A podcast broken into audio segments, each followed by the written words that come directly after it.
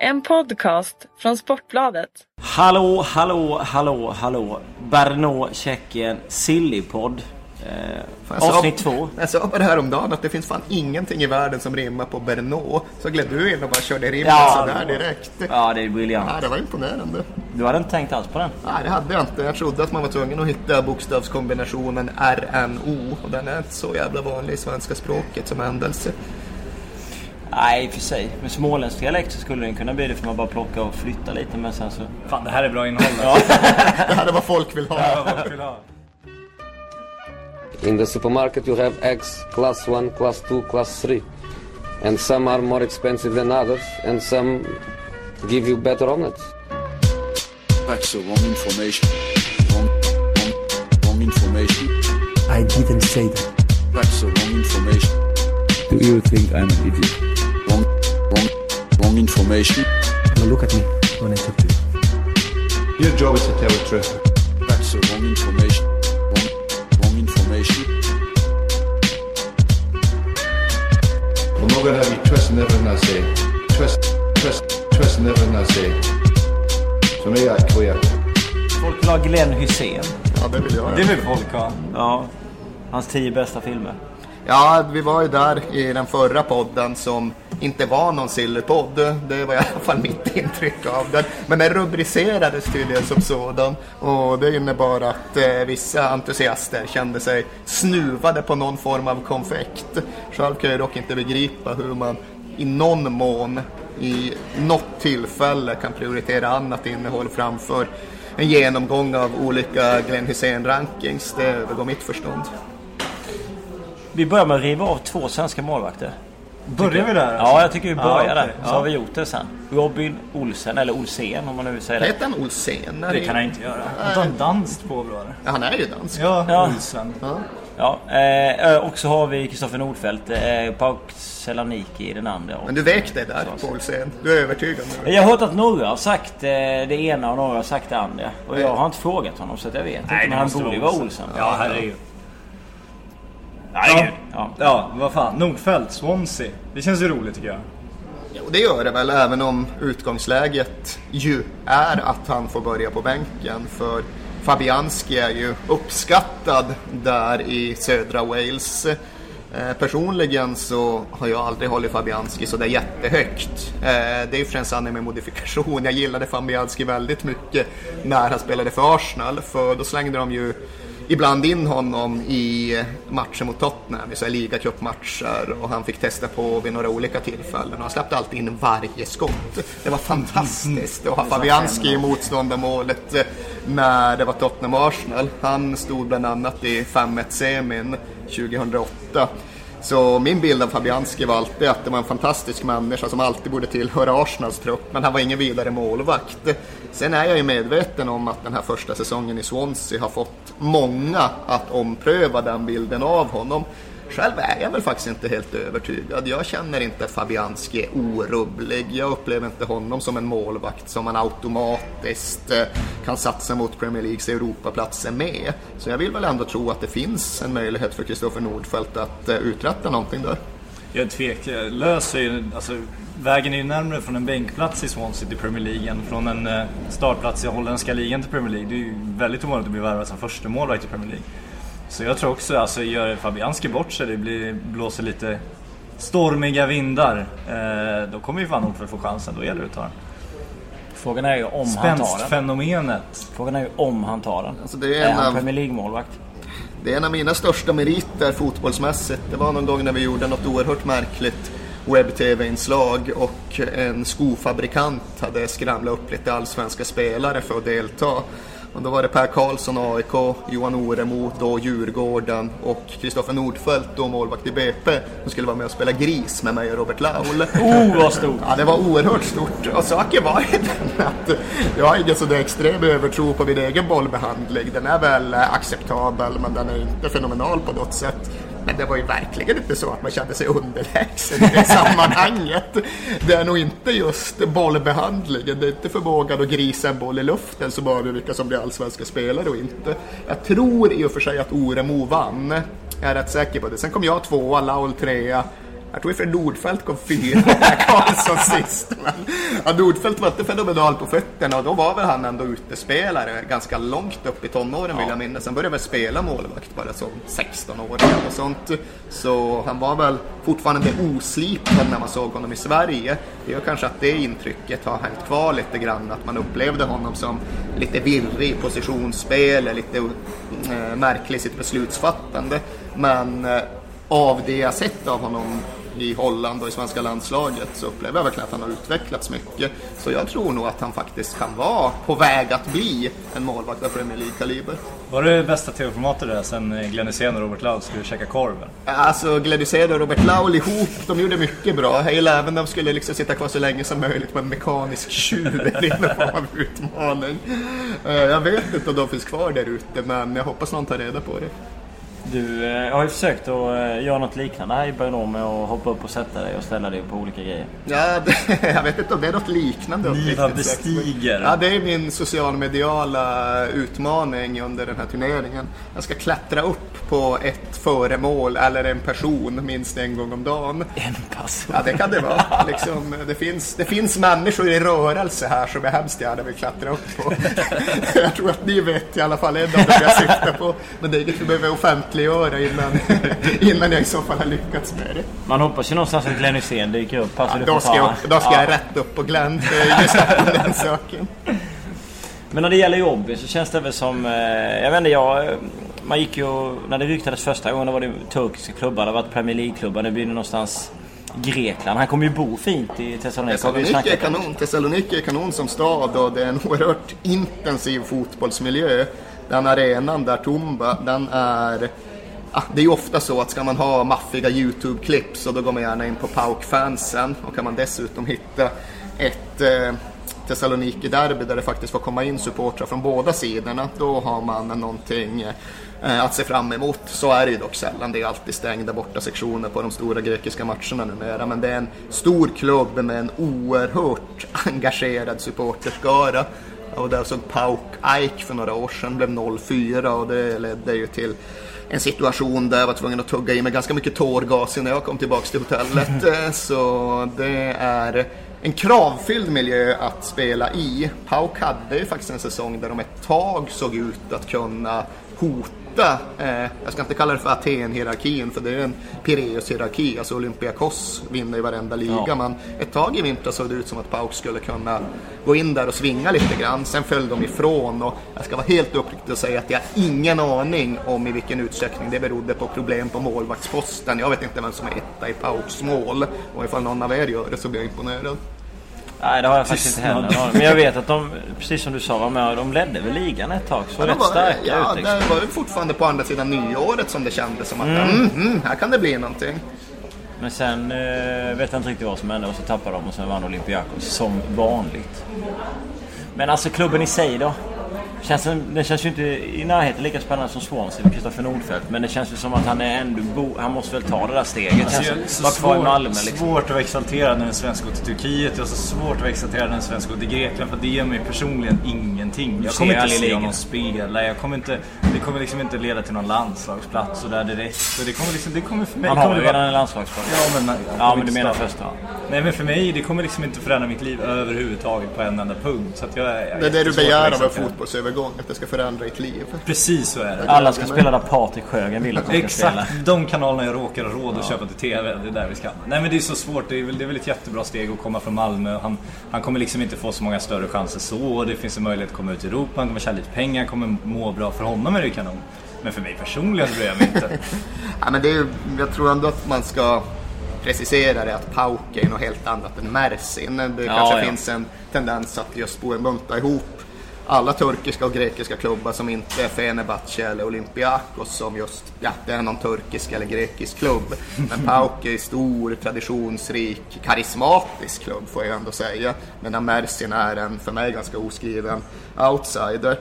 Vi frågade tidigare om klubben generellt och det måste jag erkänna att jag inte har riktigt följt med de senaste åren. När jag var i Thessaloniki, och det var väl nu 5-6 år sedan, så då var den här gamla EM-hjälten Theo Sagorakis, hette han väl, som hade gått in som frontfigur för något konsortium och lyckats sanera upp deras ekonomi. Det har ju annars varit ja, hela den grekiska fotbollens situation under minst tio år, att alla klubbar är i permanent ekonomisk kris. Men de lyckades komma igång med det där saneringsarbetet i förtid om man jämför med flera av konkurrenterna. Och nu spekulerar jag uppriktigt sagt, men jag kan inbilla mig att det kanske fortfarande är så att den är lite mer solid än många av konkurrenterna och att Robin på så sätt kanske kan hoppas på att få lite lön någon gång ibland också. Målvakt, Itanje eller Glykos? Var de två som jävla Nej, Det är nu alltså. Är inte det Liverpools gamla tredje keeper? Han som tog och garvade under Hillsborough-ceremonin och blev utkastad. Kolla det. Ja... Jo, jo. Det är det. Charles Hubert Itanje från Kamerun.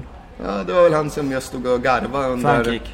under Hillsborough, högtidlighållandet av Hillsborough-tragedin något år. Spelade i Liverpool 2010, 2011, 2009, 27, 28. Och gjorde sig därmed såklart omöjlig i den klubben. Hade ingen aning om att han hade hamnat i PAOK, men då har han och Robin något att snacka om.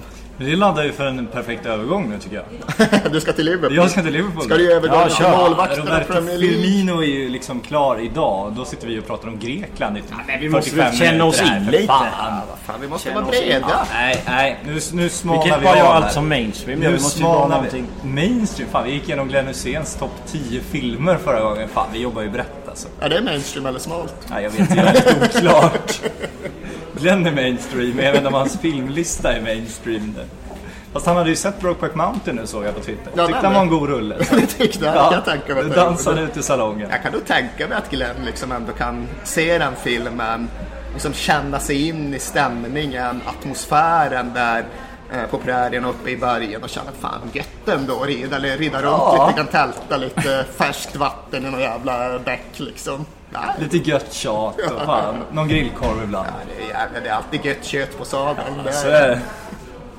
Ja men Firmino då? Han är klar för Liverpool. Det påstås att han, eller Jan-Åge Fjörtoft har sammanställt den här fina listan. De största affärerna någonsin i Bundesliga. Då toppar han den nu. För eh, Javi Martinez, sen Eddie Dzeko, Mario Götze, André Schürrle. Det är ju lite förpliktigande kan man väl säga. Det är det ju, men eh, jag tror ju instinktivt att det här är en väldigt bra värvning av Liverpool. Det är den typen av värvning som de inte riktigt klarade av att göra förra säsongen eftersom att det är svårare att värva riktiga spjutspetsspelare, att värva beprövad kvalitet för mycket pengar än det är att satsa på en handfull potentiella utvecklingsnamn och hoppas att något av dem ska slå in. Det här är ju så nära man kommer ett säkert kort. Det är klart att det alltid finns kvar tveksamheter kring omställning till en annan liga och ett annat land. Och just brassar finns det ju en ganska djup instinktiv reservation mot i, i den engelska fotbollen. Alex Ferguson hade ju länge som princip att han värvade inga brassar. Skulle han värva sydamerikansk var det bara argentiner och uruguayanare. Men det där Sen har ju släppt. Ja, exakt. Eh, sen kom Follan och Andersson och sen var allt, det var inget i sig längre. Nej, men hur som haver, alltså Firmino han är ju numera etablerad i det brasilianska landslaget. Han har redan gjort omställningen till en nordeuropeisk högtempoliga och visat att han behärskar den. Och han har ju kanske framförallt kvaliteter som gör att han kan göra skillnad oavsett var i frontlinjen de sätter in honom.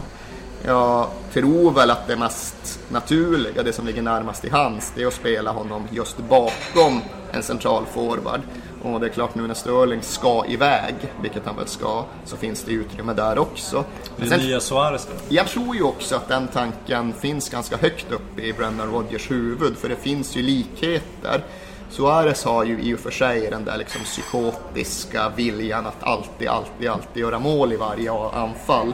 Den har ju inte Firmino, men eh, jag tyckte ju alltid det var så märkligt att så många förutsatte att Liverpool skulle värja, värva Christian Benteke eftersom att det var så uppenbart att det var inte den typen av anfallare som Rodgers ville ha som nia. Han ville ju ha den här mycket mer flexibla spelartypen. Han som kan möta och gå djupt, han som kan gå ut på kanterna och liksom skära in och han som kan gå rakt på mål.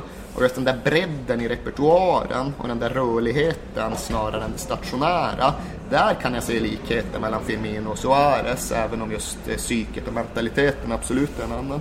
Det är ju såklart, United ville ju ha honom, det kan vi nästan slå fast. För Liverpool skryter ju till och med i sitt pressmeddelande om att de har liksom slagit hård konkurrens från andra Premier League-klubbar och klubbar över hela Europa. Så att, Var det så? Ja, ja de, de pekar ju tydligt mot United där får man ju säga. Ja, men det känns som du säger att de skulle ha värvat honom kanske för 12 månader sedan eller någonting istället. På ett sätt du säger att eh, det är liksom rätt person att komma in. Det kanske var han som skulle ha kommit in när de skickade Suarez. Ja, samtidigt har Firmino mått bra av sitt extra år i Tyskland. Det är ju under det som han har tagit det här sista klivet och verkligen slagit sig in i det brasilianska landslaget, vilket innebär en extrem skillnad i status i hur han värderas i Brasilien, men också i hur han värderar sig själv. Så jag tror nog att han flyttar till England med ett mycket större självförtroende nu än han hade gjort för ett år sedan. Hade de värvat honom för 12 månader sedan, då hade han kunnat bli en sån här Markovic-figur i mängden. Den risken hade varit mycket större. Men nu kommer han med en liksom, klart mycket tydligare svansföring och sånt tror jag verkligen påverkar möjligheten att klara av omställningen. Ja, man gillar ju den här omställningen som alltså Arsenal gjort innan, nu Liverpool verkar göra också. Det här istället för att chansa på sex man som är halvdyra så bestämmer man sig för vem som passar in och man hittar Firmino som du säger. Han kan ju spela både mittfältare centralt, han kan spela ytter, han kan spela anfallare. Man hittar den som passar perfekt. Och då går man in riktigt tungt istället när man har någon beprövad. Som du säger, 12 månader sedan hade han kanske varit en chansning. Och så 4 miljoner euro när han kom till Hoffenheim 2011. Ja men då var han verkligen bara en, Han gjorde en ju- lovande brasse. Jo, men det går, ju, det går ju att plocka någon billigt då, eller så väntar man och låter någon annan fostra dem som de här andra storklubbarna gör. Och sen plockar de när du vet vad du får liksom. Och då får det kosta lite mer. Men det är Han gjorde ju ändå fan också. 16-17 mål på 33 matcher för förra året. Så jag menar vad fan, han måste ändå känna sig ganska trygg då. Nu har det blivit mindre mål men å andra sidan har vi inte spelat lika långt fram som han gjort tidigare. Men om man ser till antalet, eh, vad säger man, antalet matcher och antalet mål. Ja men det är också de här one- one hit wonders, one season wonders som Harry Kane pratar så tydligt om nu, att han vill undvika att bli. Det har ju kommit och gått några sådana. Liksom, de springer en höst och så får de sånt jävla självförtroende så bara springer på och sen går man och lite lårskada och sen är allting försvunnet igen. Liksom, så att, Ja, men jag tror ju absolut att de senaste årens erfarenheter kommer att göra än rikare Premier League-klubbar än mer benägna att satsa på säkra kort. För det är ju ganska enkelt att titta på Tottenham efter Gareth Bale och hur det gick med den värvningsstrategin eh, när de pengarna skulle förvaltas. Det är ganska enkelt att titta på vad som hände med Liverpool förra sommaren. Det här liksom kasta nätet brett och se vad man får i fångsthoven-approachen. ligger Origi där och sprattlar. Ja, nej, den har ju... De, under de senaste åren har inte den visat sig vara särskilt effektiv i den mån man nu tänker sig att ta en Champions League-plats i Premier League. Det är en annan typ av kravbild som ställs. Det är just Mesut Özil, Alexis och ja, Roberto Firmino ifall vi nu redan ska sortera in honom där. Angel Di Maria skulle i och för sig också in i den kategorin och det är väl kanske inte så att eh, det är hundraprocentigt eh, det är inte 100% framgångsgaranti omedelbart där heller. Men jag tror väl att bilden av att den vägen att gå är den, eh, den rätta, kanske till och med den enda. Den har nog förstärkts de senaste åren. Men hur bra blir Liverpool nu då? Nu har de ju fått ett antal nya namn ändå. Ja, Milner förstärker ju elvan, Firmino förstärker ju elvan. Det är väl det. Eh, De, det finns nog mycket kvar att göra ifall de ska känna att de verkligen eh, ska tro på en topp 4-placering. Ings känns sådär va? Eller? Så Ings är nog nyttig. Ings kommer göra ett jobb. Ings kommer vara obekväm att möta för motståndarna för att han är högenergisk, intensiv, eh, uppoffringsvillig och för den delen ambitiös också. Så jag tror han kommer göra mycket nytta för Liverpool. Men jag tror inte han kommer vara den där spetsspelaren Nej, det som kommer gör vara- skillnad. Men Men startar man inte ett u EM, det säger ändå någonting. Ja, lite så känns det som. Det, det är nog som du säger att det kommer finnas jävligt mycket bra grejer han kommer göra. Han kommer liksom, men det känns mer som att det är upp och ner där än en person som går in och levererar under en lång tid och gör det direkt också.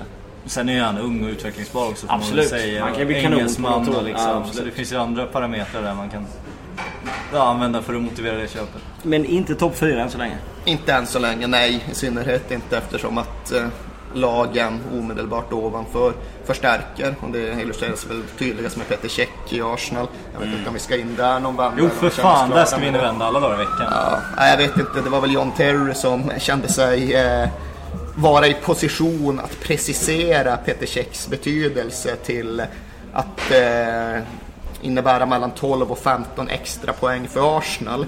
Och det var ju väldigt högt. Det skulle i så fall förvandla dem omedelbart till ett titelvinnande lag. Och riktigt så Det är dramatiskt. matematiken När sa han det? Före eller inte? Ja, precis när den höll på att Ja, bli klar liksom. Så kände han sig just eh, trygg i att kvantifiera det på precis det sättet. Jag förstår var han kommer ifrån för jag delar ju uppfattningen att det här är en värvning som klart, tydligt och över en enda natt gör Arsenal betydligt bättre.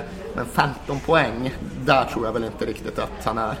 Men hur ska man resonera där? För han, alltså, det han gjort för Chelsea gör ju ändå att Chelsea är skyldig honom någonting Ja, på något sätt. Och sen han vill bo kvar i London, han vill liksom ha kvar familjen där, han får den möjligheten.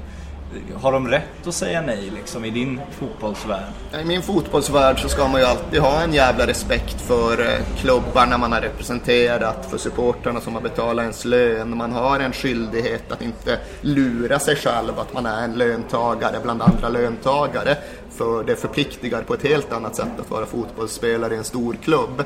Men i det här fallet så upplever inte jag att jag att jag får några signaler om att det finns egentligen några Chelsea-anhängare som eh, missunnar Check den här flytten.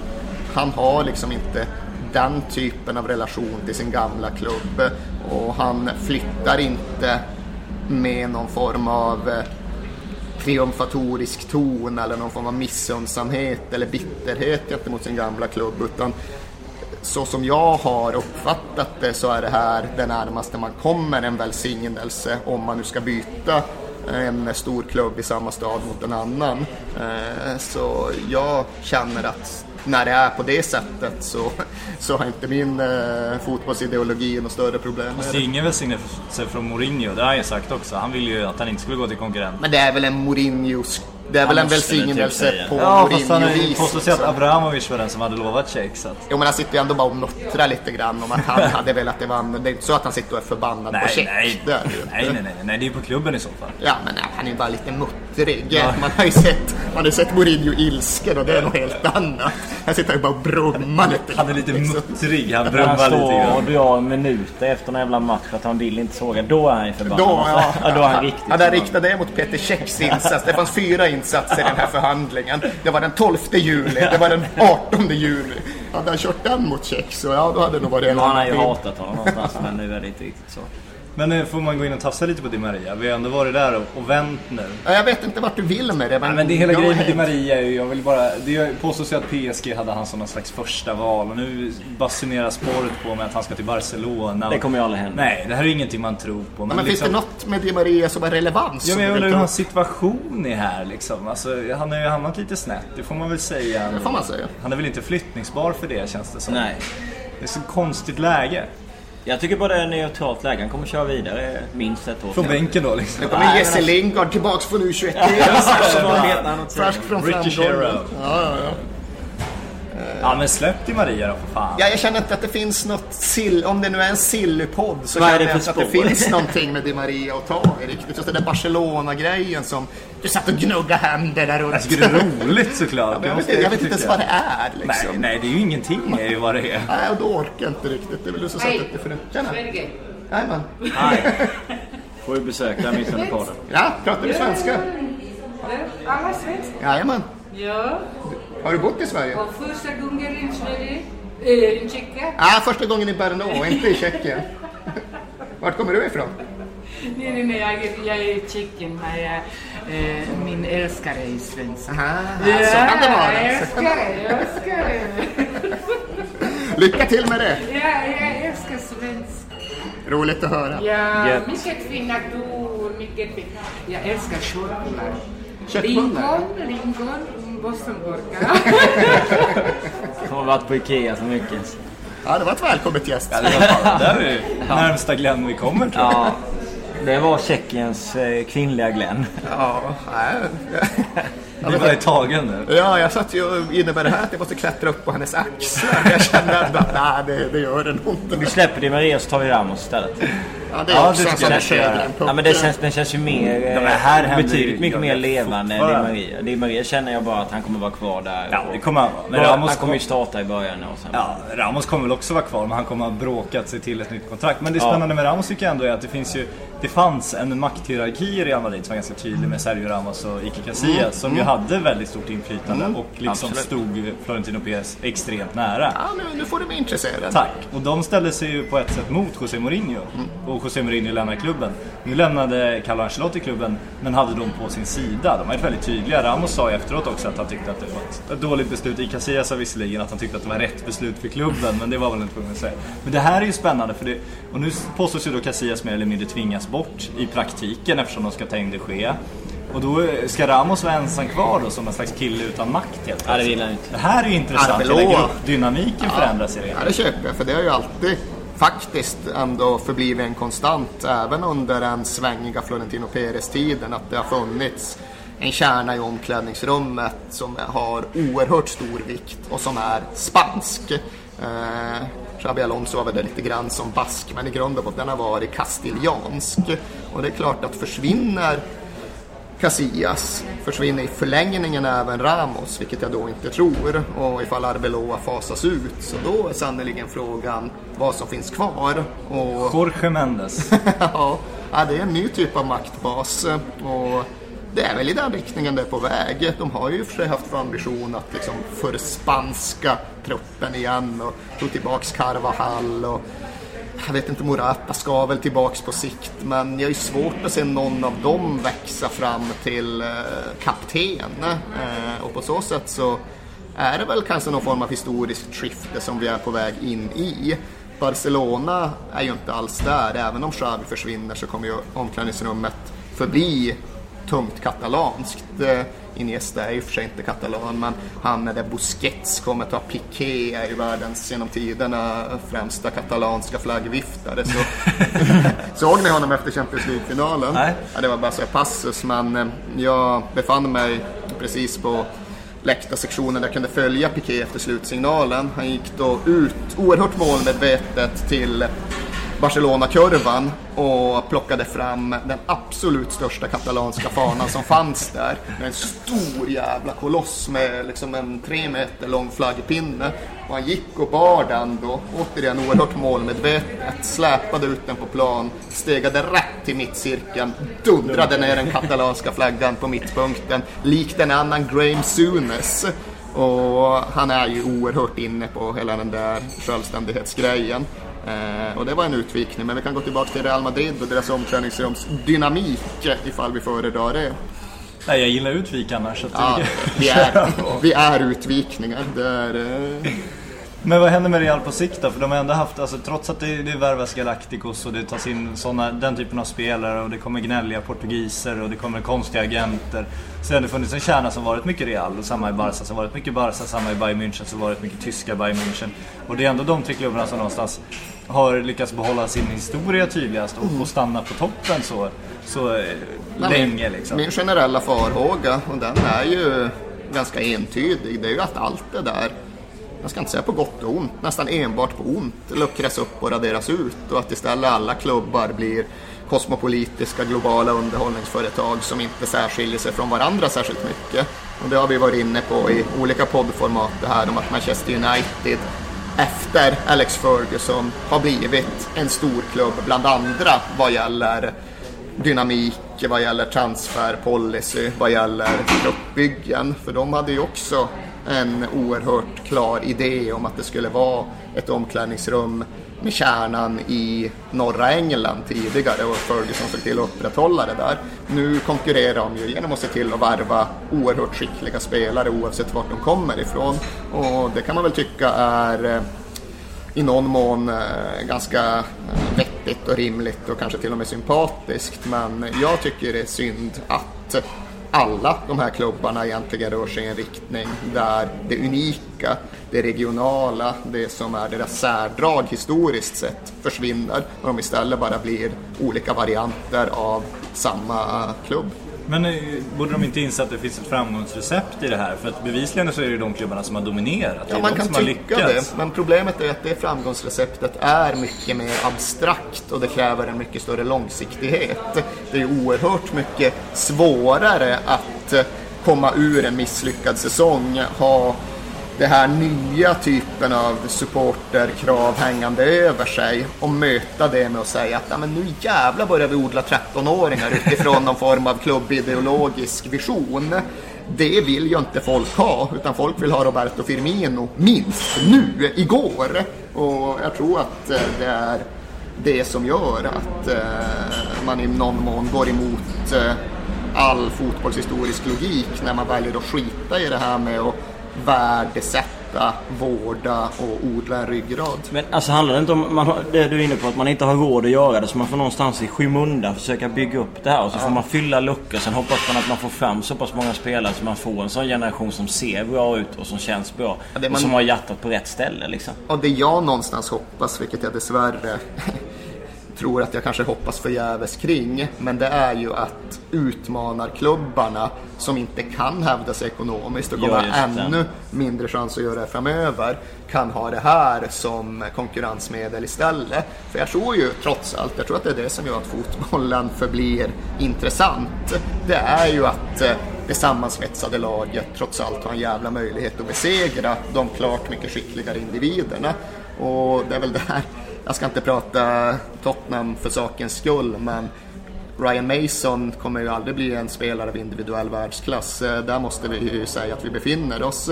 Men jag tilltalas ändå av tanken på att vi kör Harry Kane-generationen. Vi kör Harry Kane, vi kör Mason, vi kör Townsend, vi kör Pritchard, vi kan köra Carroll om vi vill. Vi kan köra ja, Kyle Walker, Eric Dyer och alla de som Danny Soldado, Rose. Adebayor. Ja, det är de vi inte det är de vi inte ska köra. Utan tvärtom ska vi just gå den här andra vägen. Vi ska försöka skapa en klubb, ett lag på ett annat sätt.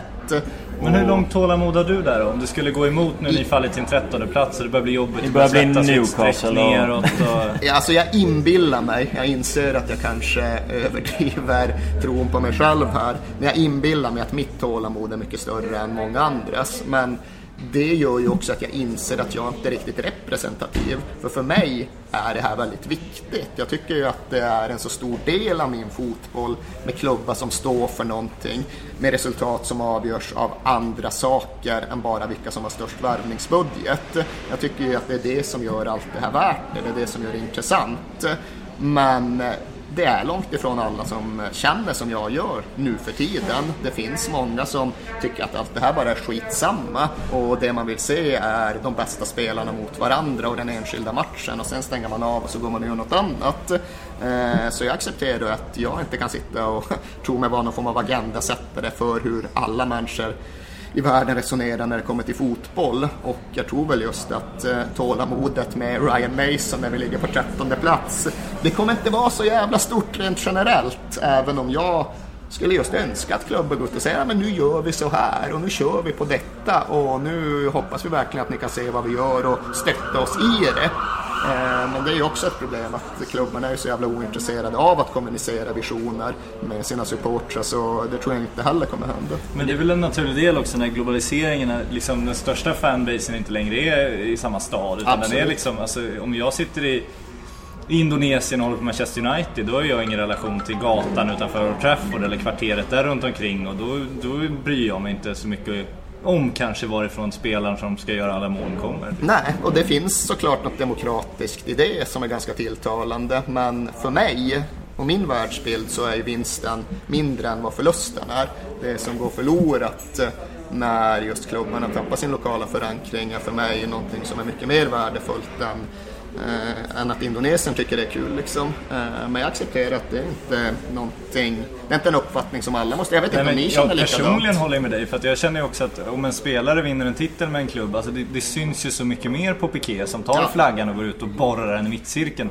Det gör ju inte Luis Suarez. Luis Suarez firar ju för att Luis Suarez har vunnit en titel. Ja, Gerard ja, Piqué han har gått till sin familj och Exakt, liksom- Gerard Piqué firar ju för att en region har tagit Men alltså känns det inte som att liksom. en klubb måste vara fattig eller inte spela i Premier League för att man ska få den här drömbilden av att man ska bygga upp ett lag på det sättet som man kanske egentligen vill. Jag- Alltså Southampton gjorde det på sitt Ja, jo. sätt men... eh, Men alltså nå den här ultimata framgången menar du känns det som Ja, att den det kan... ultimata framgången, det går ju inte för... Alltså, problemet är att även om Tottenham väljer den vägen, om, vi faktiskt lyckas, ja då är Ryan Mason högvilt på plötsligt. Men man kanske lyckas ett år, man har superflitigt verkligen liksom. Jo, nej men det är ju, det var väl i någon mån det Borussia Dortmund gjorde. Jo. De är väl det närmaste man kommer.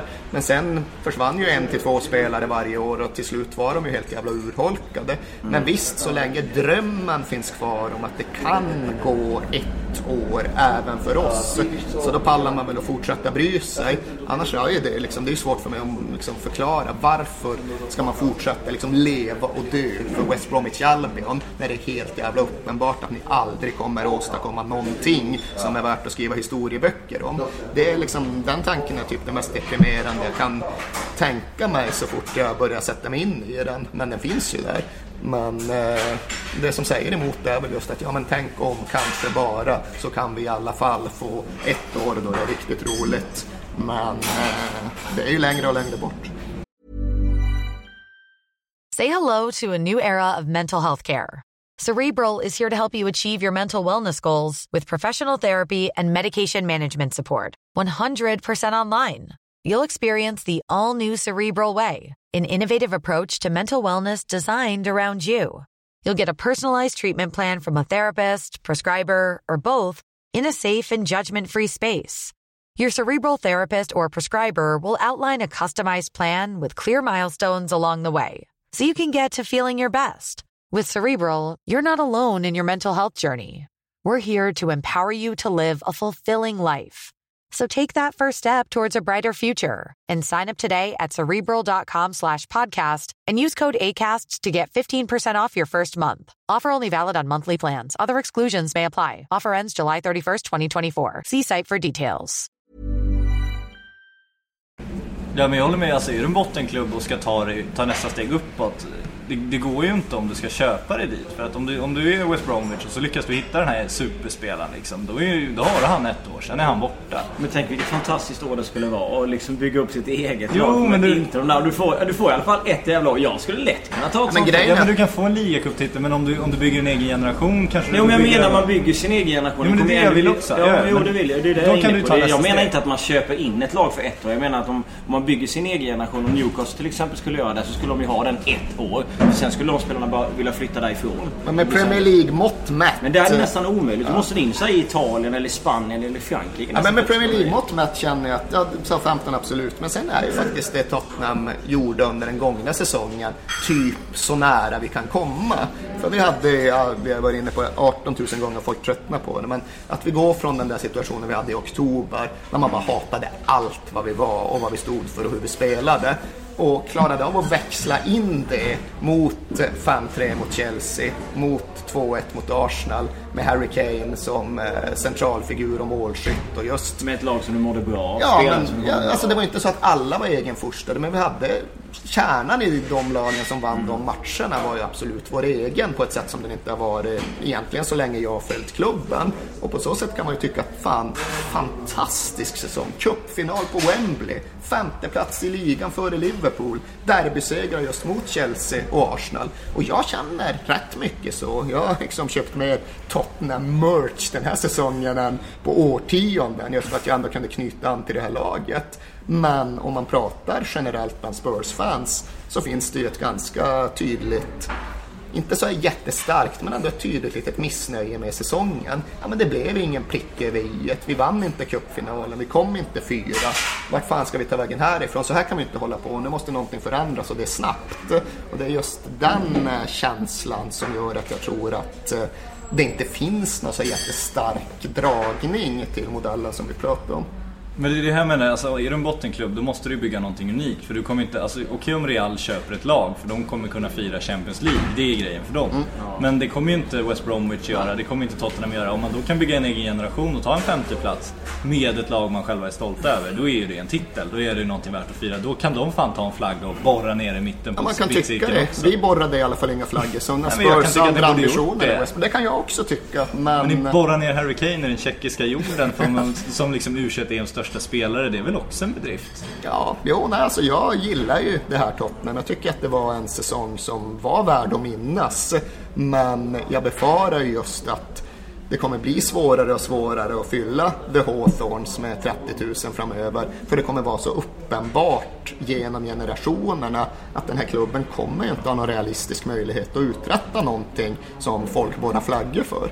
Och det är Men då måste vi ändra på vad man borrar flaggor för, inte det andra tycker jag. För att alltså, du måste ju kunna finnas en stolthet om du tar fram ett eget lag och utmanar de här största jättarna som köper, även fast du inte slår dem varje gång.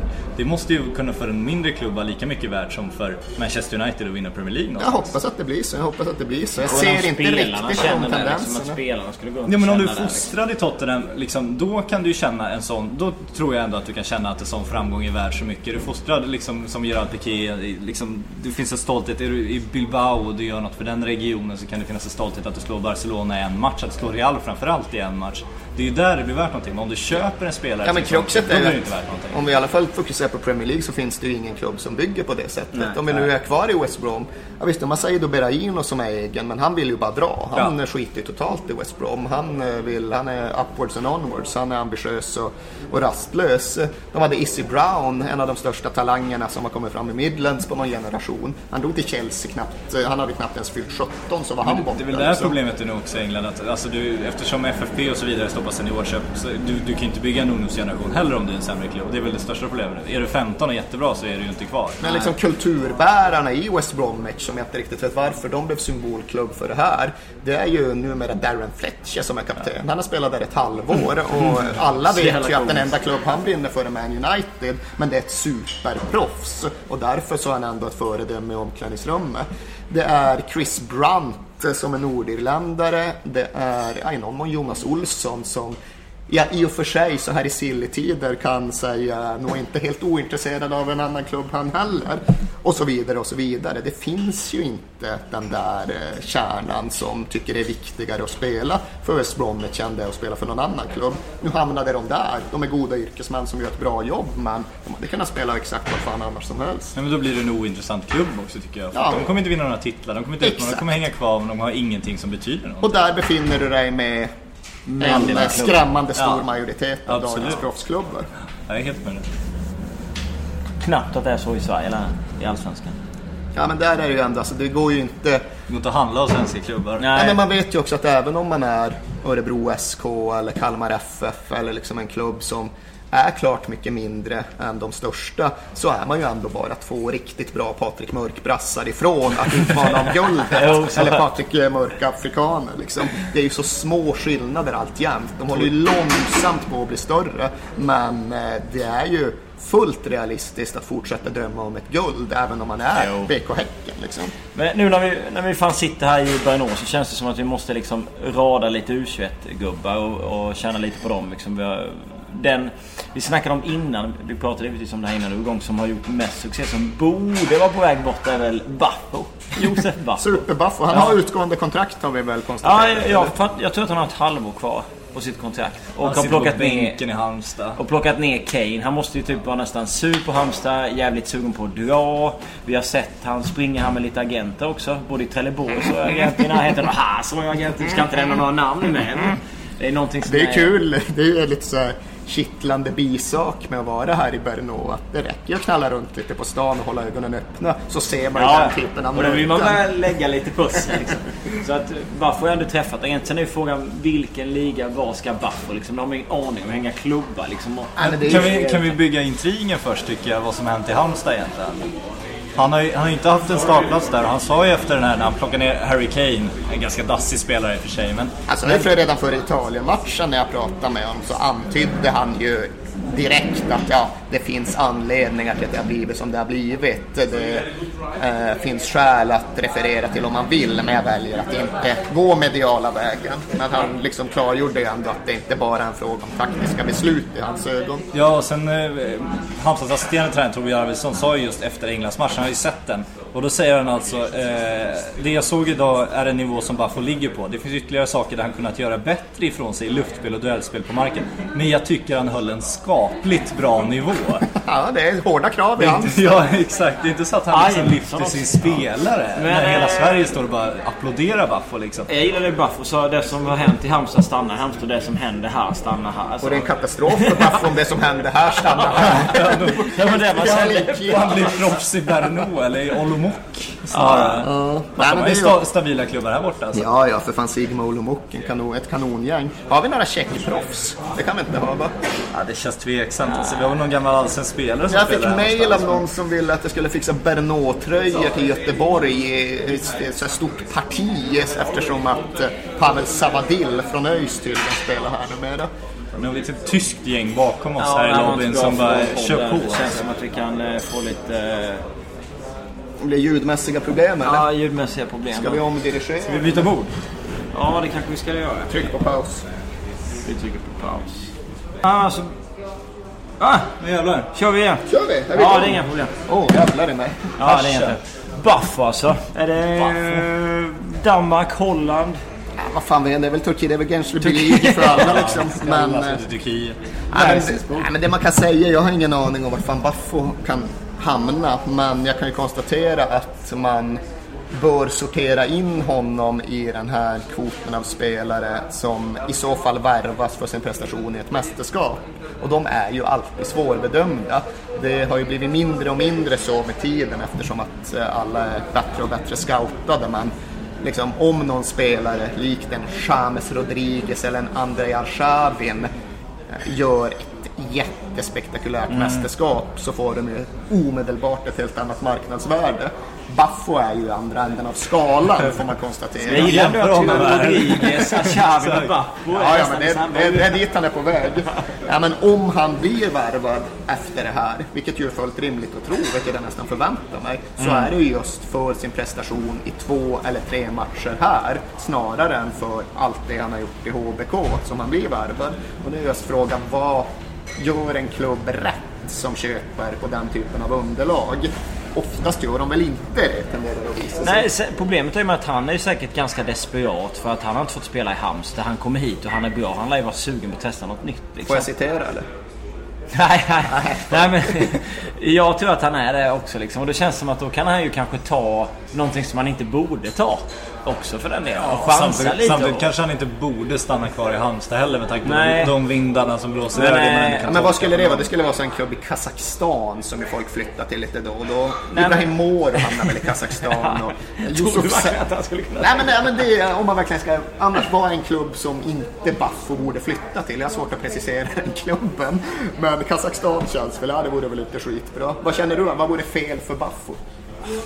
Ja, det vore väl någon för galen klubb i liksom, jag vet inte, Grekland om inte betalar ut pengar eller något annat sånt där som man bara chansar och drar och allting bara blir misär. Han får inga pengar, han blir på dåligt humör, han får inte spela. Baffo är aldrig på Baffo- dåligt humör. Baffo är aldrig på dåligt humör. Eller någon annan sån här obskyr liga som jag inte ens ska komma att tänka på nu för att... Kazaki ska Ja. Kazaki ska Men vad har han att förlora? Alltså, Halmstad ligger näst sist i Allsvenskan. Han, sitter- Eller så han kanske sitter han på bänken där. Liksom. Men där finns det ju sex allsvenska spelare sen innan. Så de lär ju bara hänga liksom och bli vänner. Och han spelar han med Validata ihop. Baffo till Turkiet. Han kan få åka dit. Han har min välsignelse. Ja. Ja, vad har vi mer i U21 då? Jönsson, du är... Guidetti måste vi Guidetti nämna. givetvis måste vi Ja, vad hände med Guidetti? Det vet ni bättre än jag gör. Nej, Just nu händer ju inte mycket. Han är ju väldigt lugn själv i alla fall. Han var ju väldigt tydlig innan mästerskapet att så här, alla pratar om att jag är här för att spela mitt kontrakt. Men ni kan vara lugna, jag vet vad som händer utanför. Det är Jag har bra problem. agenter. Jag har bra agenter, det är inga som helst problem. Så han verkar ju Hur många ha... agenter har jag? Han jobbar med den här engelsmannen va? Och sen så som jag har fattat det i och för sig så eh, tror jag att de är ute och, och hugger lite vad som helst utan att säga för mycket.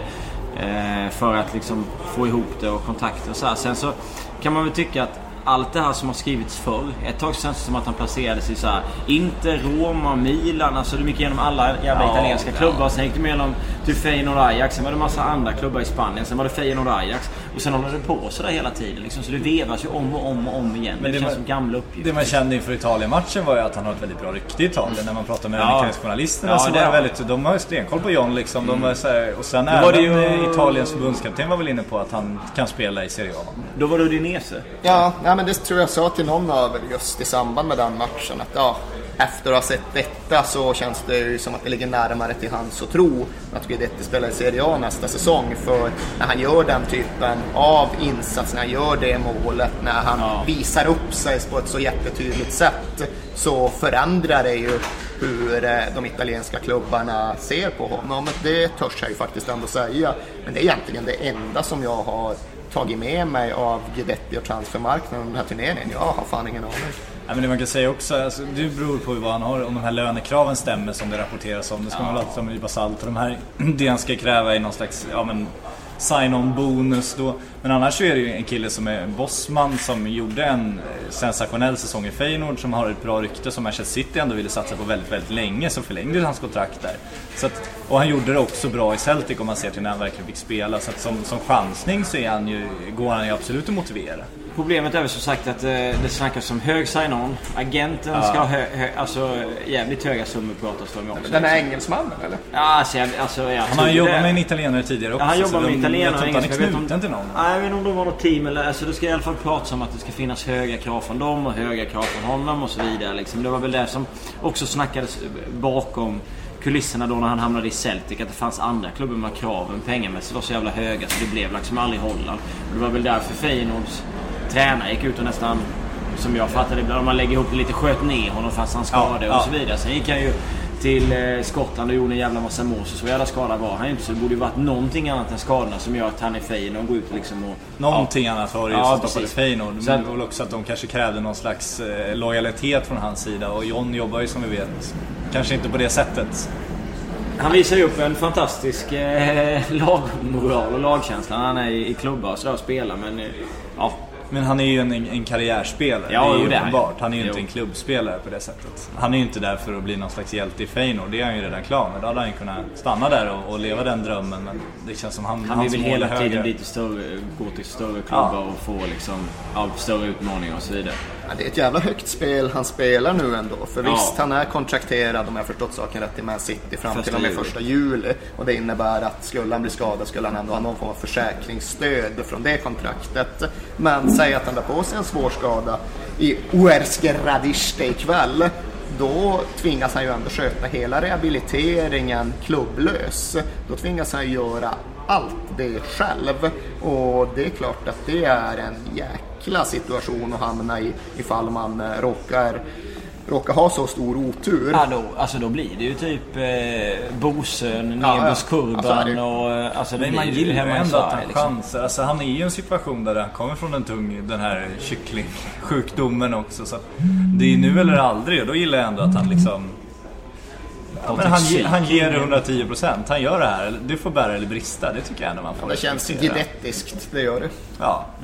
Sen har vi väl eh, eh, Filip Lander, känns det som, eh, om man tittar på försvaret. Panathinaikos har jag faktiskt hört ganska mycket om där, men om jag har förstått det rätt från, från alla mina grekiska källor som jag jobbar väldigt tätt ihop så är Vi har det... pratat med många när vi har varit här. Ja, men jag är stark i Grekland, det har jag alltid varit.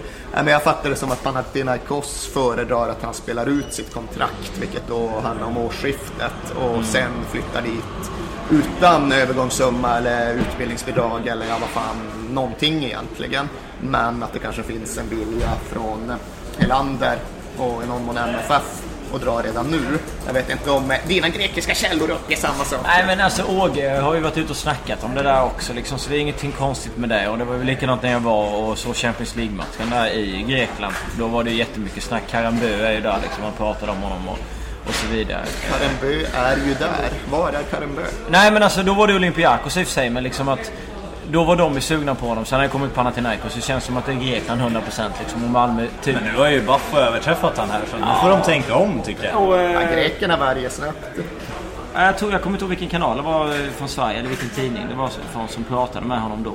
Karambö. Och då ville de ha honom. Sen har Panathinaikos Men vadå, har Karembö en roll inom Olympiakos? Jag trodde han bara var någon sån konstig Uefa-ambassadör som gled omkring.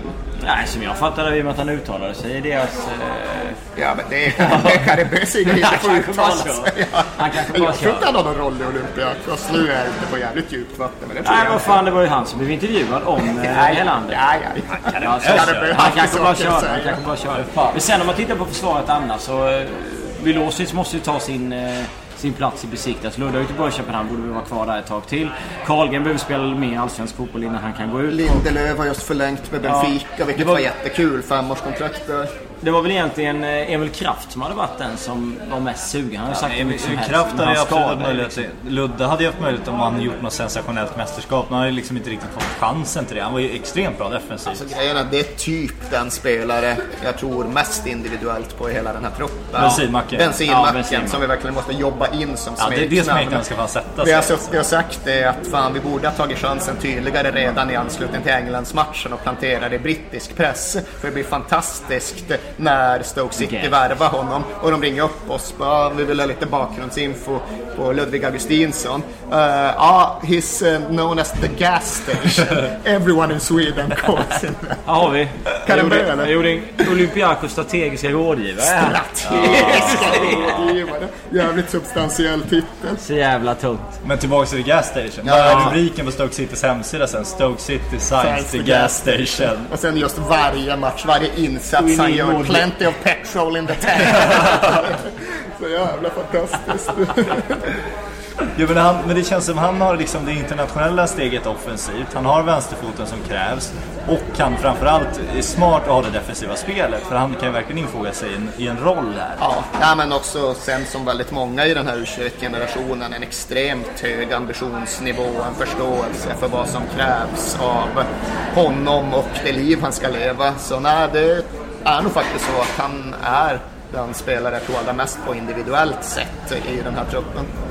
Så har vi Hiljemark och Lewicki. Lewicki är kvar i MFF eh, under överskådlig framtid. Hiljemark vet inte Men jag. det känns som att eh, alltså, han har, jag vet inte hur mycket han har spelat i PS, men det känns ju inte som att han har spelat Hiljemark har inte fått förtroende. Ja, det som hände under våren var han kom ju aldrig in i laget Kanske efter sin skada eftersom att PSV gick så bra. Sen händer det väl saker i PSV. Jag vet inte hur intakt deras innermittfält kommer vara. Det är ju för att knyta an till lite till det vi pratade om tidigare. Den holländska klubbens förbannelse. Så fort de har lyckats bygga upp någonting, ja då säljs ju allt iväg. Uh, Depay är ju redan försvunnit och det påverkar inte Hiljemark. Men jag vet inte riktigt. Det är väl Wijnaldum kommer väl gå. Ja, just och det. det gör ju skillnad. Pratas om Newcastle bland annat. Oh!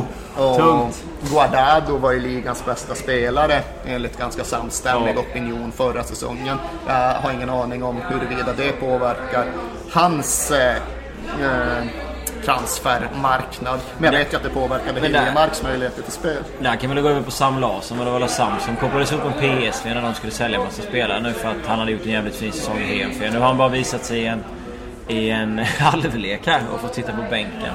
Sen liksom hoppade vi in lite snabbt senast men, men han är väl en sån kille som skulle kunna kanske säljas i sommar men inte på grund av den här turneringen utan mer på grund av den säsongen han har haft. Och in i den kvoten, Simon Gustafsson känns väl aktuell. Ja, absolut. Redogör för vad som gäller. Där har det lunchats med agenter. Ja, Säger Patrik det här lunchades det... Direkt, så Det är var det. Simon och det var föräldrar och det var agenter som satt här. Eh, Och jag fick väl också lite information om att han eh, mer eller mindre skulle vara, vara klar för en klubb. Men det fick jag en ganska fet dementi på sen från en, Ja, men det är en kroppsspråk där. Simon lite bakåtlutad, händerna i kors. Farsan med drivande. Ja, Du han är det slog med näven i det bordet. grejer på gång. Fan vad jag gillar den här tolkningen alltså. Jag trodde vi skulle vara lite kör men- Nej, nej, nej, nu kör vi. Men det är ju eh, absolut, men det känns väl också eh, som en kille som eh, absolut skulle kunna flytta på sig även om han inte har spelat en minut här och inte heller... Ja, men det, det är ju inte det här som gör att han flyttar på sig. Nej. utan, Han men är han, har varit, han har ju varit säljbar ganska länge Ja, känns det som. Det är väl mer att han har Det här är ju jävligt viktigt i att hans karriär att det också blir rätt klubb. Att de inte bara passerar honom någon jävla skit och Ja, och det känns som karriären. han är väldigt mån om det. Och om vi ska tolka hans farsas kroppsspråk så tycker jag också att hans farsa ser ut att vara väldigt mån om det. Hans farsa är väldigt medveten om vad som gäller. Han är ju själv gammal allsvensk spelare och även om det var en annan fotbollsmiljö då så tror jag nog att han har en bra insikt i fotbollens realiteter. Klok. Nej men så där känns det som att det skulle kunna...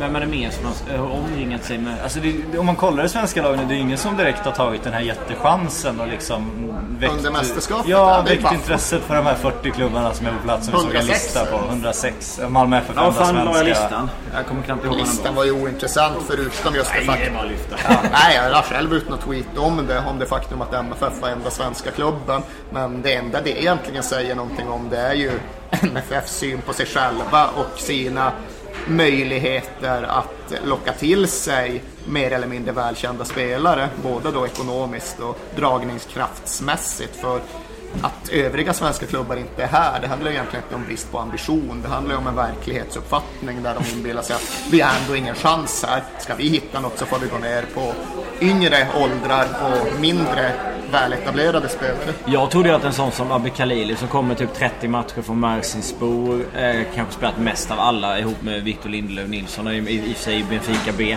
Att han skulle gå in här och liksom ta tillvara på den här chansen och köra. Men det känns som att, jag vet fan, jag är besviken på att han inte fått gå... Om nu det är så att han inte har fått gå längre upp i banan för Håkan eller vad det handlar om. Jag hade velat ta ut mer av hans kreativitet. Ja, men jag tycker inte han tagit chansen heller när han väl får bollen under kontroll och har någon slags möjligheter att kliva och det finns möjligheter att lägga bollar på djupet och det finns möjligheter till kombinationsspel. Jag tycker att han har varit otroligt defensiv. Mm. Men det är tråkigt. Jag gillar ändå Abbe och jag gillar hans hår framförallt. Men vi trodde ju att han skulle vara utropstecknet. Ja, absolut. Och det känns som att efter så mycket speltid där också. Eh, komma in hit med självförtroende, kunna glänsa lite och kanske spela till sig lite bättre rykte och sen göra en trevligare flytt liksom.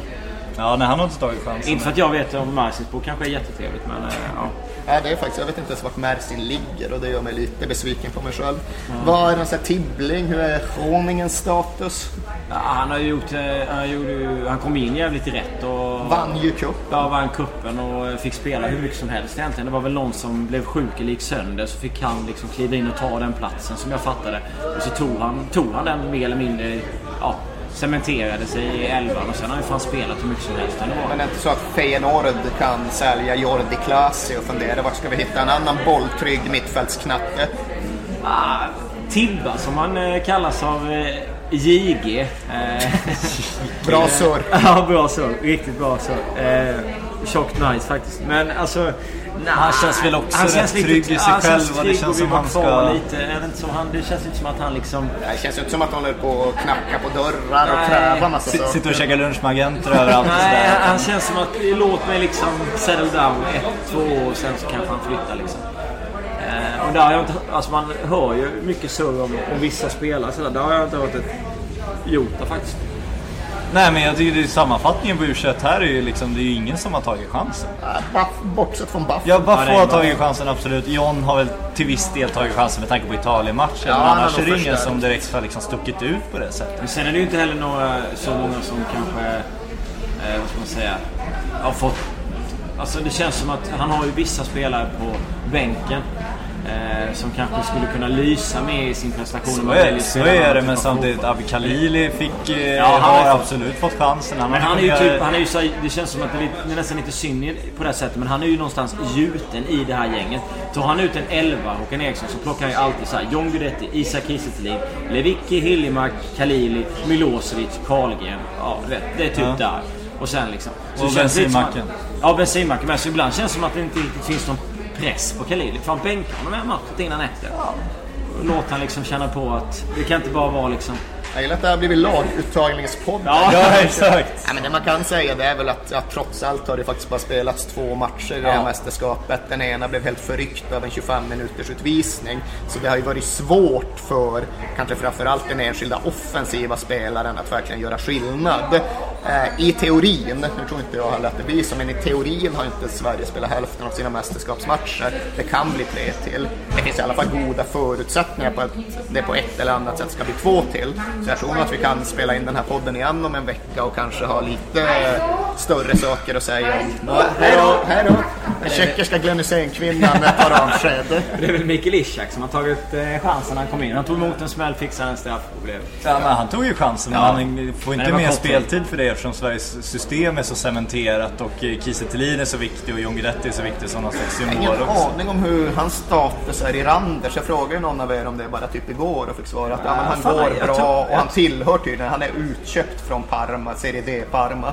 Utan det är, Ranna, det är, han är Randers fru en fru numera. Ja, det är, men jag har för mig att han har bra snitt. Varför det ska... Jag har ju för mig att han roteras där så vi har ju för Jo, oss olika saker. Han roteras, men han kan ju fortfarande ha ett bra snitt. Ja, absolut. Men eh, Det känns som ett starkt segment just det, i Ishak-segmentet. exakt, exakt. Ja, jag, ska, jag är ju tvungen att kolla upp det här eh, bara för att.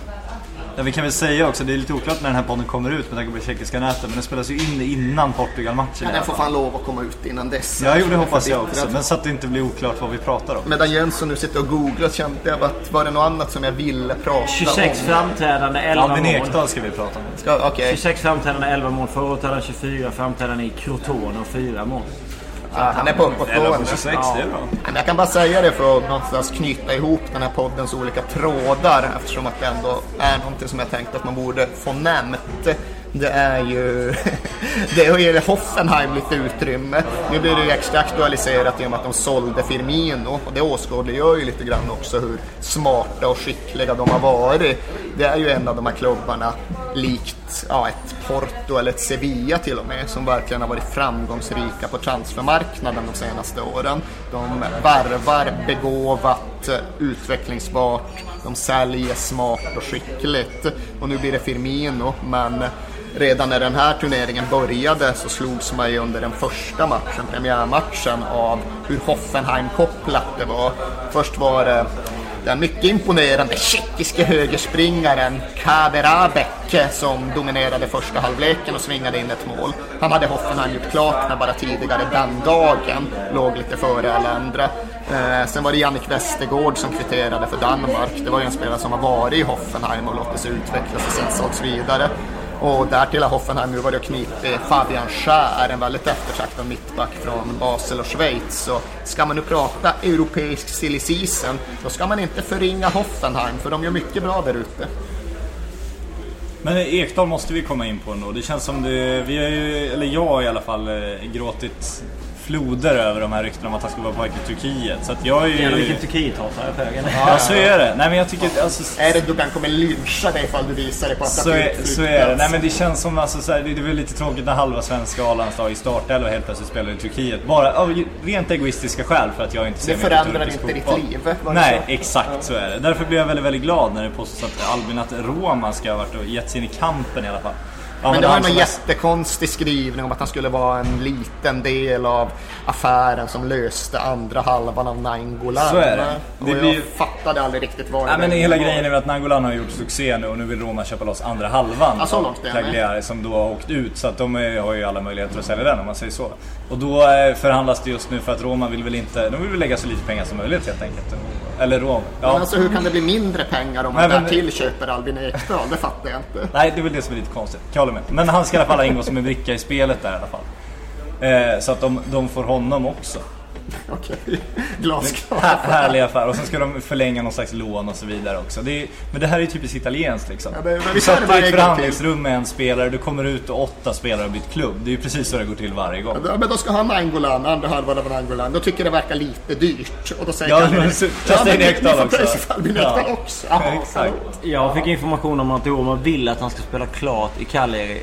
Eh, alltså spela där en säsong till och sen ska han gå som bossman. Har Karin Bö sagt något? Nej, det var inte Campbell. Ja, men, det är, men Albin ska ju inte spela en säsong till i Serie B. det känns ju inte så jävla intressant. Nej men det var den Men- informationen som Roma hade liksom kommit med Ja, också. försvar. ja, men ryktesmässigt så är det ju väldigt, väldigt, väldigt vagt det här. Men Men, så- att, att han ens kastas in med Roma gör ju att man blir själaglad. Eller jag blir det i alla fall. Jag tycker också att så fort hans agent uttalar sig så tycker jag han är ganska precis i att säga att det är England och Tyskland som är drömligorna. Det känns ändå ovanligt konkret.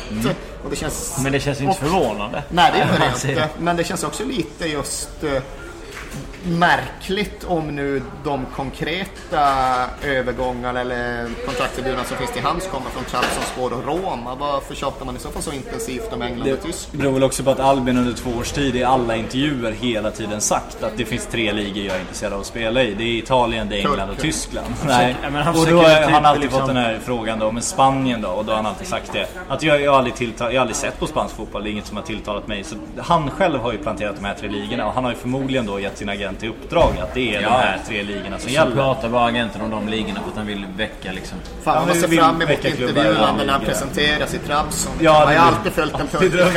Det har alltid varit en dröm. Nej, aldrig kommer gå Jag upp och bara säga det här är helt ointressant för mig. Nej, men, men jag blev ju glad av Roma för att Roma hade varit helt fantastiskt om eh, Albin Ekdal skulle få en möjlighet att spela för Roma. För att det är, ju- det är ju exakt den klubb man har velat ha någonting. Man har velat att han ska ta det där klivet inom den italienska ligan. Att han ska komma till en mindre klubb, sen imponera så mycket så att han hamnar i en av toppklubbarna och blir liksom en stor profil där. Ja, det skulle ju också innebära att i så fall får vi en svensk som spelar en klubb med fullt realistisk möjlighet att spela kvartsfinal i Champions League. Det är ju på något sätt alltid den måttstocken som förbundskaptener återvänder till.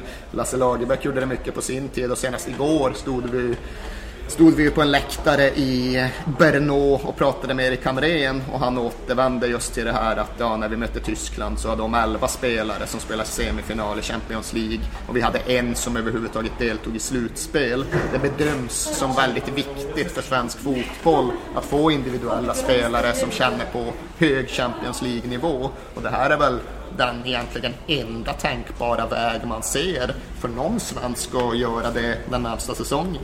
Men Trabzonspor är ju beredda att betala vad är det, mellan 20 och 25 miljoner Ja, kronor till det skiter jag fullständigt i. Frågan är om inte han kommer Jag vilja hop- hoppas ha intensivt att Albin också skiter full- fullständigt. Ja, men det känns som en Albin om man tittar. Det känns inte som pengarna varit det drivande liksom. Han kommer också från ganska goda förhållanden får man väl Jo tack. Eh, han är som dig, född in i pengar. Så, vad fan, den här myten ska vi inte bilda här. Nej men Albin, alltså det är väl ofta så också att de som... Det finns en teori om, eh, nu ska vi göra ett bra stickspår här. Men att eh, lite mer förmögna familjer, att det finns en eh, varannan generations eh, grej där. Att det är någon som, som gör väldigt bra affärer, sen kommer nästa generation och är helt ointresserad av pengar eftersom de haft pengar. Det Och sen kommer alltså. generationen efter det Du och blir intresserad av pengar igen. Alltså jag har inga pengar, jag förstår inte var det här kommer ifrån. Bara för att jag pratar lite rikssvenska här och är ensam om det så påstås att jag har pengar. Men, men i alla fall, men Albin är ju den där mellangenerationen då kan man väl säga. Så att det kanske inte är pengarna som driver honom så mycket. Du är helt sönderpsykad här. Jag bara fattar en jävla tråd. Vi har redan släppt eh, din teori. Vi Jävla tänker bara på usla. pengar, pengar. Fan jävla grisar alltså. Nej men det om man ska återkomma till kärnan. Det känns inte som det är pengar som har varit liksom hans Jag har aldrig förstått varför har det här fotbollsspelare. Trabzonspor-ryktet satt sig så kraftfullt? För det har det gjort. Alla har av någon anledning bedömt det som att det här är trovärdigt. Vad är det som har gjort det så? För att det kommer från bra källor Ja. som påstår det och de bra källorna har väl förmodligen också ett intresse att det faktiskt ska pratas om klubbar nu för att det har pratats lite för Ja. lite om klubbar. Och då få igång tugget och då eh, de bra källorna eller de kontakterna han jobbar med har ju bra, bra, bra trådar i Turkiet. Men ni som lyssnar, är det just ett få igång tugget-rykte eller är det ett faktiskt alternativ? Nej, nej, alltså de har ju kommit med eh, bud. Alltså bud till Albin. Och vi, alltså Martin eh, Klettans agent har ju varit i Istanbul och träffat dem där. Jag får väl åka till Trabzon för fan. De hatar Ja, men de, Istanbul de, i mötte ju upp, de mötte upp honom där och som jag fattade nu är Albin på eh, semester ett tag här liksom. Ja, han är väl i Jerusalem till och med Ja. tror jag. Är han det? Ja, är det fan. sant? Ja. Och sen efter det så kommer det väl mer eller mindre bestämmas så då... Eh, jag, Fan, nu blev jag glad eh, att eh, en elitfotbollsspelare bemödar sig att åka till Ja, Jerusalem. men du ser, han är ju annorlunda. Det är inte Ja, pengarna. nej, vet du. nej, det- han kan skriva det på för bitar när han är där. Mount of Olives, Jerusalem. Jerusalem är ju en Instagram. fin stad, men man åker inte dit ifall man inte har något som helst intresse av sin omvärld och, Och sen bara ser man massa kommentarer om Kom till Trabzonspor. Hoppas vi inte går till Turkiet. Trabzon eller ja, turkiskt. Ja, alternativet är väl i och för sig en massa kommentarer om eh, hur egentligen östra Jerusalem ska styras och fördelas. Jag vet inte om det heller vore så jävla bra, men, Men- jag blev glad av att han åkte dit. Men känns inte Trabzonspor som ett, eh, en destination hans agent gärna skulle sätta honom i eftersom Nej. det, det blir bra pengar där? Och det är en ganska enkel affär. Men jag det tror, är, jag måste, tror inte det om han vill ha kvar eh, spelaren. men det måste ju vara en jävla statussänkare pengar. för en agent att inte kunna få något mer, Alltså, något med mer lyster till Ja, Albin men vad gör, varför åker de ens dit? Ja men alltså det är ju rätt så många om man tänker sig att alltså, det är många agenter som har, jag ska alltså en viss, eh, viss connection till vissa klubbar. Så man har nästan monopol på vissa klubbar. Om han då sätter honom i en klubb där, då har han ju förlorat honom som spelare mer eller mindre. Om det liksom kommer för mycket från olika hörn beroende på hur stark spelarna är och hur starka band de har. För man märker ju ändå att det är ganska många som går till Turkiet och sen byter agent. Och det kan ju ha med vissa saker att göra. Varför åker han till Trabzonspor då? Nej, bra pengar, jag har ingen aning liksom. Nej, han ska inte till Turkiet. Men man, man fattar ju ändå att agenten valde ju att åka liksom, om intresset har funnits under en längre tid så valde agenten att åka efter landslagssamlingen. Så det känns väl ändå som att han kanske hoppades på att Albin skulle göra så jävligt bra ifrån sig så att det skulle komma lite mer. Samtidigt som han själv hela tiden pratar om England och Han slog ett Tyskland. jättefint inlägg mot Montenegro. Ja, är absolut. inte det värt någonting? Han pratar mycket om de där sakerna för liksom och sen, ja. Det, här, det är klart att det här kanske kan vara det absolut sista alternativet som han också vill. Precis som att du inte vill att han ska gå dit tror jag. Eh, och så vidare. Så då kanske de kommer dra ut på det till, jag vet inte, så långt in i juli som de bara kan komma för att han hoppas på att gå någon annanstans. Ja, det blir intressant. Han får ju spela med Arkan. Det måste ju ha varit någonting. Han får hänga med Ja, ja, Det är säga. värt någonting kan jag meddela. Jag tror att man nästan kan gå ner i lön. Lön för det. Nu har vi ju eh, rattat på ganska länge här. Ja, det känns aslångt. Hur länge har vi hållit på? Eh, nästan 75. Jaha. Ja, Glenn Hysén-podden senast flög ju förbi. Det gjorde inte den här på riktigt samma sätt. Men vad fan. svårodden här. Men nu gjorde vi en Sillypodd den här gången. Förra gången gjorde vi en Glenn-podd. Ja, Glenn-podden Ja. var ju bättre, men folket håller kanske med. vill ha det här. Vi fick ju som sagt den kvinnliga tjeckiska Glenn Hysén och det är ju värt något. Det är värt extremt. Man är ju sugen på att se Macken ikväll och hoppas att eh, det svenska landslaget ger mycket lyster. Så är det. Ja. Vi tackar för oss. Ha det så bra där hemma. I think I worked for 16 years here in England, and I deserve a bit more credit than wrong information.